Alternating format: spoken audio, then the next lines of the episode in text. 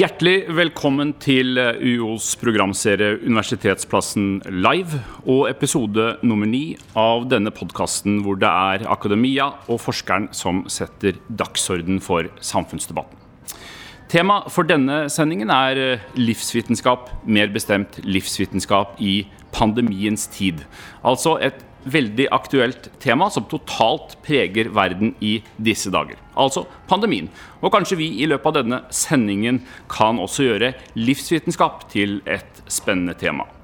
Vi har med oss tre skarpskodde deltakere. Det er Bjørn Gullvåg. Tusen takk, Markus. Helsedirektør. Vi har med Gunveig Grødland, forsker ved UiO. Hyggelig å være her. Og Per Morten Sandseth, som er professor i medisin og viserektor for forskning og innovasjon. Takk for det. Velkommen til dere tre. Mitt navn er Markus Moe. Jeg er redaktør for avisen Dagens Medisin og skal ta dere gjennom denne samtalen om livsvitenskap. Livsvitenskap er UiOs største satsing noensinne. Et nytt bygg er under oppføring i Gaustabøkdalen, og når det står ferdig i 2024, vil det være Norges største og mest teknisk avanserte universitetsbygg. Det skal romme laboratorier, undervisnings- og lesesaler, og legge til rette for forskning og undervisning i ikke mindre enn verdensklasse. Her skal man jobbe på tvers av fag, og det skal legges opp til samarbeid med aktører utenfor selve universitetet. Så Per Morten Sandseth, vi får begynne med deg, som holder i livsvitenskapsprosjektet fra universitetets side. Hva er egentlig livsvitenskap? Livsvitenskap det er egentlig et samlebegrep for studier og forskning på alle levende organismer. Det det dreier seg om, det er jo egentlig å forstå hva liv dreier seg om. Hvordan liv oppstår, og hvordan aldringsprosessene foregår. Så Rent konkret så studerer vi jo i livsvitenskap oppbygging, struktur og funksjon av alle levende organismer. Og vi kan si at Metodologisk så har det vært store gjennombrudd de siste ti årene. Slik at vi i dag kan studere levende organismer på enkeltcellenivå og på molekylært nivå. F.eks.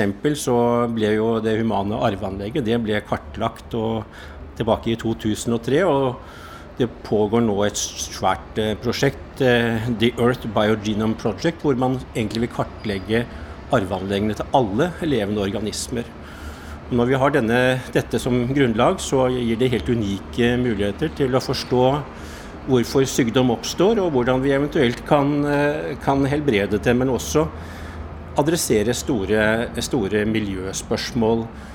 Hvordan vi, matforsyning osv. En rekke, rekke ting. Så Mye av forskningen i dag går egentlig ut på å finne hvordan disse datamengdene som ligger kodet inn i dette arvestoffet, hvordan det egentlig fungerer. For vi har kolossale datamengder og informasjon, men vi vet egentlig ikke hvordan det fungerer. Så det jobbes da iherdig med å finne ut mer om dette. Og eh, ikke minst så er det hvordan småfeil eller større feil kan føre til eh, sykdom. Og hvordan vi eventuelt kan eh, forebygge det og reparere det. Så Derfor er jo da livsvitenskap er jo veldig relevant for det vi ser om dagen. Altså den pågående covid-19-pandemien. Der vi prøver å finne ut mer om hvordan viruset smitter. Og hvorfor noen får alvorlig sykdom og andre ikke. Og hvordan vi eventuelt kan identifisere disse for å beskytte dem. Og hvordan vi kan eventuelt utvikle forebyggende behandling, les vaksine, men også andre tiltak. Og hvordan vi eventuelt kan behandle de som er blitt syke. Så dette skal vi snakke mer om. Det er jo ikke alltid at uh, man som ansatt på universitetet eller som helsedirektør har medienes oppmerksomhet. Uh, Iallfall ikke hele tiden, men det har du jo nesten nå. Uh, begge to. la oss begynne med deg, Gunnveig. Du, du, jobber jo med immunologi og, og, hvordan vi skal finne fram til en, til en vaksine. Og, og disse tingene som vi snakker om hele tiden under pandemien nå. Men fortell litt først om hvordan arbeider du i din hverdag, og hvordan er det relevant i forhold til livsvitenskap? Ja, det jeg jobber med og har jobbet med lenge, er jo å prøve å utvikle vaksiner som kan tas og bremse eller forhindre en pandemi. Og det er jo det vi akkurat er oppe i nå. Og så, en av de tingene jeg tenker er viktig med livsvitenskapen, er at ikke bare er det mitt fagfelt immunologi, som er viktig der, men det er òg disse større problemstillingene. De trenger flere eh, tverrfaglige prosjekter.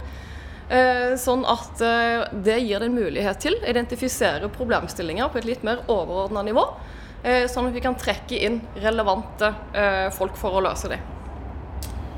Gullvåg, du jobber jo også innen dette, feltet og har jo en lang bakgrunn og karriere som, som forsker selv også. Eh, livsvitenskapen og det nye livsvitenskapsbygget som kommer på plass på Universitetet i Oslo. Uh, hvis vi hadde hatt det på plass i dag, la oss spole noen år fram i tid, hva kunne livsvitenskapsbygget og arbeidet på et sånt senter ha bidratt til i forhold til pandemien? Jeg, jeg, jeg, har veldig sans for denne tenkningen. Altså det at uh, vi må studere liv fra veldig mange vinkler. Og naturligvis bruke den kompetansen som finnes blant kjemikere, fysikere, kvantefysikere, matematikere. ikke sant? Og, uh, og, kanskje også en del mer sånn samfunnsvitenskapelige fag som kan liksom tett, gå tett inn på dette, ved siden av medisinske fag og sånn. Jeg, jeg tror Eh, for virkelig å forstå eh, hva livet dreier seg om, og også hvilke mekanismer som styrer utviklingen av f.eks. Eh, nye virus, muligheten til å klare å håndtere dem på et tidlig tidspunkt osv., så, videre, så trenger vi den type tilnærming. Så det å, hvis vi tenker å bygge opp slags, et slags Eh, forsvar, globalt forsvar mot uh, veldig uh, vanskelige pandemier og sykdommer, så tror jeg at uh, innretningen med livsvitenskap er veldig riktig. For det er jo sånn at Tradisjonelt har jo medisin, og dere er jo alle medisinere, vært bygget opp på den måten at forskere kan stadig mer om kanskje stadig mindre eller stadig mer spesialiserte områder. Og det er i hvert fall en iboende fare til silotenkning, og ikke se det hele bildet. Ja, det er helt opplagt. Og jeg, har veldig sans altså for det å prøve å tegne det litt større bildet. Vi må i dybden, og vi må forstå liksom, det, det, mest spesielle. Men vi må også forstå det som ligger i grenselandet mellom alle de spesielle punktene. Og jeg tror der, der er det fremdeles uh, ganske mange gråsoner. Og som kanskje har nøkkelen til uh, veldig mange av de vanskelige spørsmålene som vi holder på med i dag. Gunveig, når skjønte du at vi sto i en pandemi, og at det du arbeider med vitenskapelig og forskningsmessig, ble virkelig en, en verdens absolutt viktigste sak? Ja, Det kommer jo som en gradvis uh, erkjenning, tenker jeg. Først så var det jo OK, dette må man jo følge med på. Uh, her er det noe som i utgangspunktet var veldig interessant, syns jeg. Det var jo den første tanken. Uh, og så tenker jeg egentlig rundt midten av februar så begynte det å bli klart at OK, dette er ikke bare interessant, dette er kanskje òg faktisk ganske problematisk. Eh, og da, eh, derfra tror jeg virkelig at det var eh, Da begynte vi å skjønne alvoret. Men selve alvoret tror jeg faktisk ikke sank inn helt før i mars. Helt ærlig. det er sånn at nå er det et stort uh, hull, må vi kunne si, ved, ved Ring 3 mellom Ullevål og Gaustad. Der skal det bygges uh, hva er framdriftsplanen for selve livsvitenskapsbygget? Morten? Nei, altså, vi kan si at Livsvitenskapsbygget er jo noe vi har jobbet med på universitetet i 30 år. Eh, men i statsbudsjettet for 2018 fikk vi startbevilgning. Og eh, vi startet umiddelbart planlegging, og, og bygget skal være ferdig i 2024. Og eh, nå er det stort hull, som du sier. og eh, Utpå senhøsten så vil eh, selve platen som bygger, det, det vil da bli, bli, fundamentert. Så da vil vi neste år så vil vi se at bygget reiser seg opp. Det er jo stor diskusjon om uh, nye Oslo universitetssykehus og plassering uh, av også sykehusbyggene. Men det er en idé rundt hvordan universitetssykehuset og livsvitenskapsbygget skal samhandle. Det, det, er det. Eh, det har ikke vært det opprinnelig, men, men vi ser jo at disse to, eh, to, byggeprosjektene har eh, mye til felles. Og det er klart at Vi bygger et bygg nå som kommer til å koste over 8 milliarder kroner, inklusive brukerutstyr. Og, og, og, på andre siden av veien så skal det bygges et veldig stort bygg med et, veldig, et forskningsdel, og det skal bygges et laboratoriebygg. Og eh, Det er naturlig å se disse enhetene et, en, eh, felles, eh, som et felles prosjekt. Og vi, vi, nærmer oss helt klart i den retningen at vi ser at vi kan ha komplementære funksjoner på de to, to stedene. Det er bare 100 meter rett over veien. Men det er jo, det er jo sånn at dyktige fagfolk og forskere de, de vil vel ha en, et ønske om å finne sammen og jobbe sammen. Kan man ikke gjøre det uten, uten et sånt stort bygg og en sånn kjempemilliardsatsing? Det, det, det, vil det fortsatt være. Vi, når det gjelder livsvitenskap i Oslo, så vil vi tror vi at bare ca. halvparten av universitetets aktiviteter knyttet til livsvitenskap vil være i selve bygget.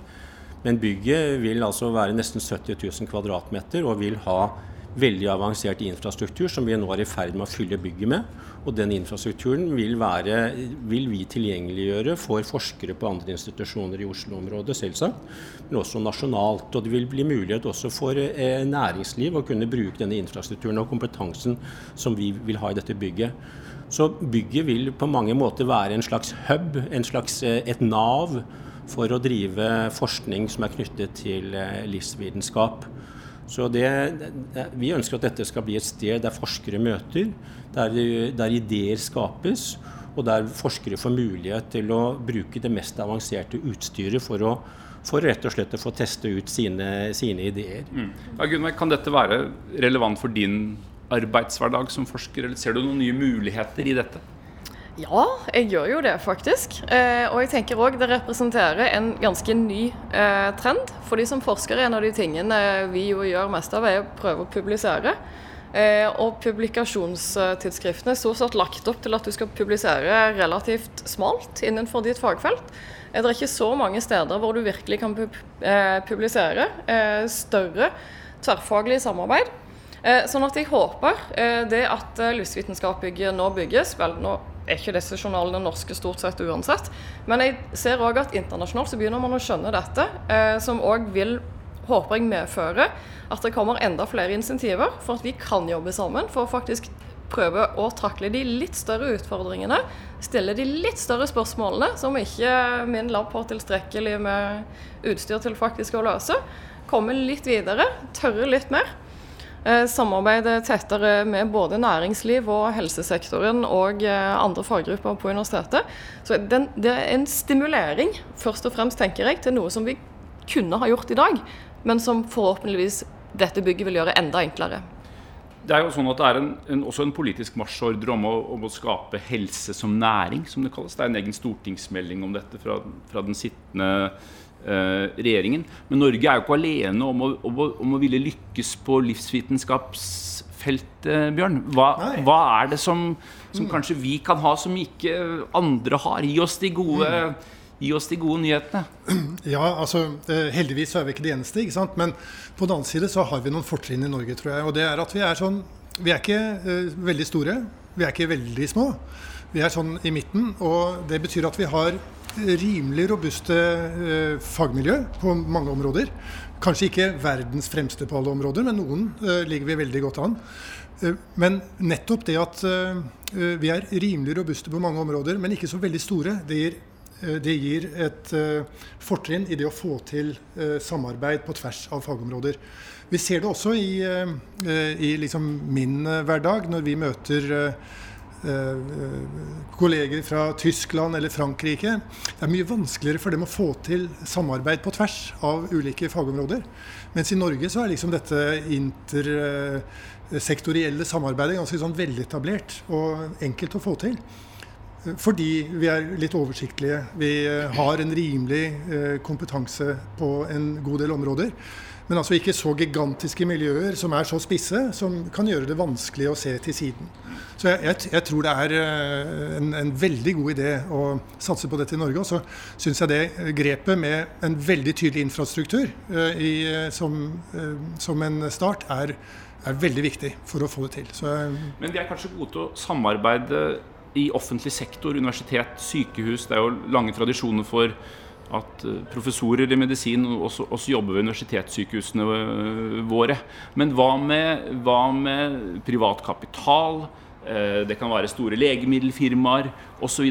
Hvordan skal dere løse dette med få til dette private og offentlige samarbeidet, sånn at det blir fart på dette? Norge blir gode, men, men, men, men man heller ikke eh, selger ut alle godbitene fra offentligheten til, til eh, private investorer? På Universitetet i Oslo så, så det, har vi jobbet de siste årene helt konkret med en kulturendring på dette området. At vi faktisk universitetet må åpne seg mot omverdenen og, og, spille på lag med, med også næringsliv. Eh, for Livsvitenskapsbygget så har vi konkret etablert en enhet for innovasjon, samfunns- og næringslivskontakt. Mm. Og som vil bli en, en, et bindeledd mellom akademia og, og, og næringsliv. Når det er sagt, så, så ser vi det at eh, vi har mange komparative fortrinn, som eh, Bjørn sier her. Men, men, men, det vi nok mangler eh, så langt, det er kanskje et næringsliv i nærområdet rundt universitetet. Og, og, vi, ser at, og vi ser at skal vi kunne ta ideene våre videre og bidra til bygging av et nytt næringsliv, så må vi gjøre noen grep. og Derfor har vi da tatt initiativ til å lage denne konstruksjonen som heter Oslo Science City som, eh, som er da et, Norges første innovasjonsdistrikt, som er mellom Gaustad og Majorstuen. Og eh, her har vi jo sett eh, i én studie hvilke muligheter vi har for å utvikle næring. Det gjelder ikke bare livsvitenskap, men her gjelder det også digitalisering og mange andre felter som er veldig interessante. Og vi har også gjort en, en, en studie for, altså det er en innholdsstudie, og så har vi gjort en mulighetsstudie for å se faktisk hvor mye er det man kan etablere av næringsliv. Hvor mye arealer er tilgjengelig potensielt, og hva kan bygges her. Og Det er ganske mange hundre tusen kvadratmeter. Så dette er et veldig spennende prosjekt som, som vi mener er, vi er helt nødvendig for at vi skal kunne lage et økosystem for innovasjon, også innen livsvitenskap. Og vi ser vi ser jo nå at internasjonale firmaer innen altså legemiddelbransjen er, ser på dette som veldig spennende. Mm. Og er, har veldig følere ute for å kunne være med på dette. Gunveig? Eh, ja, Et annet konkret eksempel som universitetet er i gang med, er noe som heter Spark eh, Norway. Eh, som er rett og slett at universitetet tar og velger ut prosjekter, forskningsprosjekter med et visst kommersialiseringspotensial. Eh, og så læres vi som forskere direkte opp til å tenke dette prosjektet inn i kommersiell utvikling. Hva skal til? Hvilke mulige retninger eksisterer det for faktisk å bruke dette til det beste for samfunnet? Eh, så jeg har hatt et prosjekt der i to og et halvt år nå, faktisk. Eh, og det har vært utrolig lærerikt og morsomt. Eh, og jeg tror òg at den typen satsinger vil eh, kunne bli enda enklere og enda mer robuste med eh, dette nye livsvitenskapsbygget. Det tror jeg òg er tanken. Ja, merker du at du og dine kolleger snakker mer om også kommersialisering og hva dette skal føre til, ikke bare dette som grunnforskning? Ja, fordi vi opplever òg at når universitetet setter fokus på at dette er viktig, dette er òg en del av samfunnsoppdraget vi har som forskere, så blir det òg eh, viktigere å gjøre det. Det betyr mer. Det, tidligere så har det vært sånn at vel, ofte det eneste som teller, er hvor mange publikasjoner har du. Eh, men nå begynner det òg å bli mer sånn at det faktisk teller positivt at du har eh, drevet med kommersialisering av det som kan eh, utnyttes. Mm. Ja, jeg, er veldig fint du tar opp det, Gunnar. fordi dette er jo den store satsingen også til eh, UiO livsvitenskap det er jo nettopp å bygge eh, kompetanse innen innovasjon og en kultur knyttet til det. Så Spark-programmet som vi har, eh, som er et mentorprogram som egentlig kommer fra Stanford, det er, har vært utrolig vellykket. Jeg har lyst til å bare si at eh, Vi er faktisk i ferd med å utvikle dette som et, et nytt program innenfor samfunnsinnovasjon. Et mentorprogram innen samfunnsinnovasjon. Det blir ikke et SPAR-program, men det, blir, det, det, ligner veldig. Som vi akkurat er i ferd med å starte opp som en pilot i denne høsten. Eh, Bjørn, du var jo fra, fra tidlig på 90-tallet til 2001 instituttsjef for Stiftelse for helsetjenesteforskning, Heltef. Eh, hvordan har dette feltet vi snakker om, tematikken vi snakker om her i dag, eh, endret seg fra, fra, da du ledet dette arbeidet til, til der vi står i dag, og de utfordringene vi ser nå? Ja, Nå er jo Life Sciences noe mye mer og dypt enn eh, det jeg holdt på med. Men, men, det som er litt sånn fellesnevneren, det er jo at eh, det er et forsøk på å få folk med ulike fagtradisjoner til å se inn på eh, felles tema. Og Der vil jeg jo si at vi har utviklet oss i betydelig grad i Norge. Men, men, jeg tror at det er mye mye mer å hente. Og da også, som dere er inne på, med åpning for offentlig-privat samarbeid. Vi har vært litt forsiktige i Norge, mm. kanskje av god grunn. Mm. Men det er, det er jo viktig, som du var inne på, ikke, altså at vi ikke leverer ut all gullbeholdningen i den offentlige tjenesten eller i sektoren. Og med det mener jeg, da mener jeg jo den genetiske informasjonen og, og naturligvis registrene, registrene, som vi må ha et sterkt eierskap til. Og, og uh, vi må ha uh, trygge rammer for hvordan dette deles da, med, uh, med private interesser. Men det å få en sterk helseindustri som kan bidra også i Norge, tror jeg er veldig viktig. Så, men det var altså litt vanskeligere tror jeg, for 20 år siden å jobbe sånn på tvers av fag, også innenfor medisinen. Men det her syns jeg det er en veldig fin oppmykning. Mm. Vi ser under pandemien at alt henger sammen med alt, som Gro vel en gang sa, eller hvem det var. Eh, og at helse på en måte er grunnlaget for, for, for, for liv, da. Eh, hva, nå står vi midt i pandemien, og vi, vi venter på en vaksine. Eh, og vi venter på, på at vi kan få vaksinert risikogrupper og helsepersonell som står, som står først i køen. Når vi er på andre siden av, av pandemien, hvor er spådommen deres at vi står da? Hva har vi lært? Og, og, hvordan tar vi dette arbeidet med livsvitenskap videre? Fordi etter denne krisen så kommer det annet, en annen krise på et eller annet tidspunkt. Mm. Jeg vil jo tro at det er uh, to vesentlige lærdommer som jeg ser sånn umiddelbart. i hvert fall. Det, det ene er vi får antagelig mer kunnskap om hvordan vi skal kunne stanse nye virus i eh, en utvikling, og kanskje også hindre at det blir smitte fra dyr til mennesker. Altså at det kommer tydeligere både reguleringer og kanskje også vitenskapelig støttede metoder for å hindre at det skjer. Sånn at man kan ta en eh, pandemi i et tidligere stadium. Der, der har jeg tro på at uh, livsvitenskapene kan bidra. Men så er det naturligvis hele det enorme læringsløpet vi nå har med å utvikle vaksiner og behandlingsmetoder. Hvor jeg også er optimistisk og tror at vi vil komme med vesentlig ny kunnskap som kan gjøre oss mye bedre rustet i en, i en senere runde.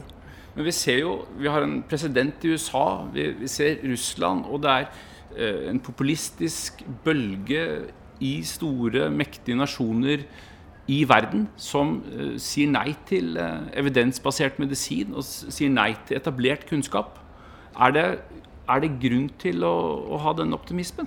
Jeg, tror på sikt at det er grunn til det. Nå fikk vi jo en ny visepresidentkandidat i USA uh, i går, var det vel. Camilla Harris. Og um, Det er mulig at det kommer en ny vind. Eh, vi får håpe på det. I, ja, hva syns du egentlig om Donald Trump, Bjørn Gullvåg? Kan du, kan du Nei, altså, det, som, fortelle? Eh, ut fra et helsefaglig um, synspunkt så mener jeg jo at han er, uh, han er et skrekkeksempel. Uh, og uh, så er det naturligvis sånn at vi, vi, på ulike måter må forholde oss til eh, USA i eh, ulike samarbeider. Og det finnes jo veldig mange dyktige mennesker som eh, både han har rundt seg, og som USA har, som vi møter i ulike sammenhenger. Men det er en bekymring, og jeg vil si at svaret fra oss det er at vi, vi trenger et sterkt og samlet, en samlet tenkning i Europa. Litt uavhengig av om man om vi tenker en politisk samling, så trenger vi en, en kunnskapssamling eh, som gjør at Europa står sterkere eh, og kan stå i større grad på egne bein, og ikke være avhengig av verken Russland, Kina eller USA i så stor grad som vi har vært. Kunne du tenkt deg å vært eh, helse, helserådgiver for Donald Trump? Nei, Det tror jeg jeg ville takket nei til. Eh, sånn, eh, så Jeg, jeg syns jo de er skrekkelig modige, de som uh, går inn i de stillingene. Eller, eller rett og slett litt uh, korttenkte. Fordi eh, det virker jo ikke som om man hører på sine rådgivere. Men det trengs noen som gjør den helsefaglige rådgiverjobben til tross for hvordan ja, han vurderer og, det, det, og jeg, jeg, tror jo altså, sånn grunnleggende på en del av institusjonene i USA, sånn at alt er ikke forspilt enda, og det er eh, fullt mulig at uh, vi har et uh, USA i sånn helsefaglig sammenheng, altså inklusiv i Verdens helseorganisasjons sammenheng, på banen igjen etter det neste valget. Det er i hvert fall det jeg håper på. Hvor, uh, på litt sånn kort sikt, og, men litt lengre sikt også, hvor går arbeidet med livsvitenskap ved Universitetet i Oslo nå? Nei, vi, Jeg har allerede sagt at vi jobber jo med innplassering av infrastruktur. Vi, skal, vi må, må få tilgang til det og få plassert det inn på en god måte og gode forskningsgrupper som rundt det. Så det er det, er det konkrete nå. Vi jobber deretter med å innplassere tematiske forskningsområder.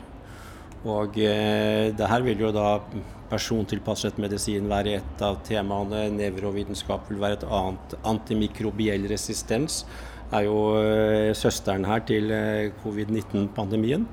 Og, eh, så vi har, vi har, flere slike tematiske områder som vi nå øh, jobber med. Og hvor vi da vil etter en prosess med fakultetene og, og sykehusene også plassere inn fremragende forskningsgrupper og bygge disse. Og jeg har lyst til å si det at uh, akkurat det som jeg kanskje tror kan komme ut av pandemien, uh, det er jo disse Har, man stilt de riktige spørsmålene? Eh, det, det, er jo det som er eh, Og det har man, har man jo ikke gjort. altså Man har jo visst at, at det, er en fare for en viruspandemi. Vi hadde jo en to, i 2003, eller for en del år siden, eh, det var forgjenger. Og den gikk raskt ned. Men, men, men vi har altså, man har ikke, det vitenskapelige miljøet, forskerverdenen, har ikke fulgt dette opp.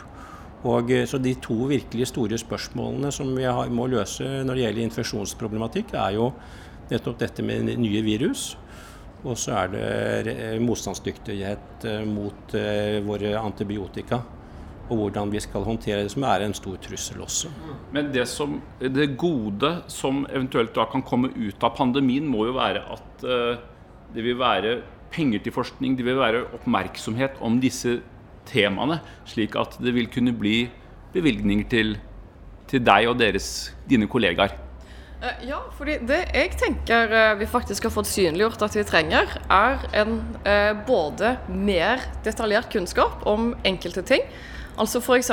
hvis vi kunne forstått mer hvordan immunsystemet responderte på ulike former for virus. Hvis vi klarte å gå enda mer basalt i dybden der, og kunne mer predikere når et hvilket som helst nytt virus kom, hvordan immunsystemet i ulike individer faktisk ville reagere på det viruset. Der må vi på den ene siden. Eh, helt klart. Og jeg tenker at fremveksten av eh, en solid bioinformatikk i kombinasjon med de mer tradisjonelle fagmiljøene eh, vil gi oss de verktøyene vi trenger for å løse den typen spørsmål nå. Samtidig som vi må på makronivå. For vi ser jo nå at faktisk eh, det har konsekvenser for økonomi og for hele samfunnslivet. Så hvordan de valgene vi tar eh, på hvordan vaksinene designes og alt det der, har samfunnsmessige implikasjoner. Så jeg tror svaret blir at vi må gå begge nivåer enda tettere i framtiden. Bjørn Gullvåg, du skal få siste ordet. Eh, vi skjønner deg dit at vi kan være optimistiske på, på, vegne av vitenskapen og kunnskapen og livsvitenskapen når vi kommer på andre siden av pandemien? Ja, i den forstand at jeg tror det vil uh, ha en enda større betydning og enda større potensial. Og kanskje enda større interesse fra de bevilgende myndighetene å få svar på en del av disse spørsmålene, så tror jeg svaret er ubetinget ja. Og så vil jeg si at uh, vi står midt i en veldig krevende pandemi, så uh, akkurat nå er det grunn til å være realistisk. Og vi må uh, naturligvis ha med oss et snev av optimisme inn i den realismen. Når har vi covid-19-vaksinen på plass, og når er alle nordmenn vaksinert? De beste anslagene som jeg har hørt, for når vi har den på plass De, de første kan vaksineres kanskje og Det er ikke sikkert det blir i Norge, men eh, i verden over nyttår. Og så har vi kanskje et håp om at i løpet av 2021 så kan vi vaksinere risikogruppene i Norge og, og helsepersonellet. Så tror jeg kanskje det vil ta godt ut i 2022 eh, før vi får vaksinert befolkningen. Men fremdeles er det mye usikkerhet rundt disse tallene. Ok, det får være siste ord fra denne episode nummer ni av eh, Universitetsplassen live. Tusen takk til Bjørn, Gunnveig og Per Morten og alle som hørte på podkasten.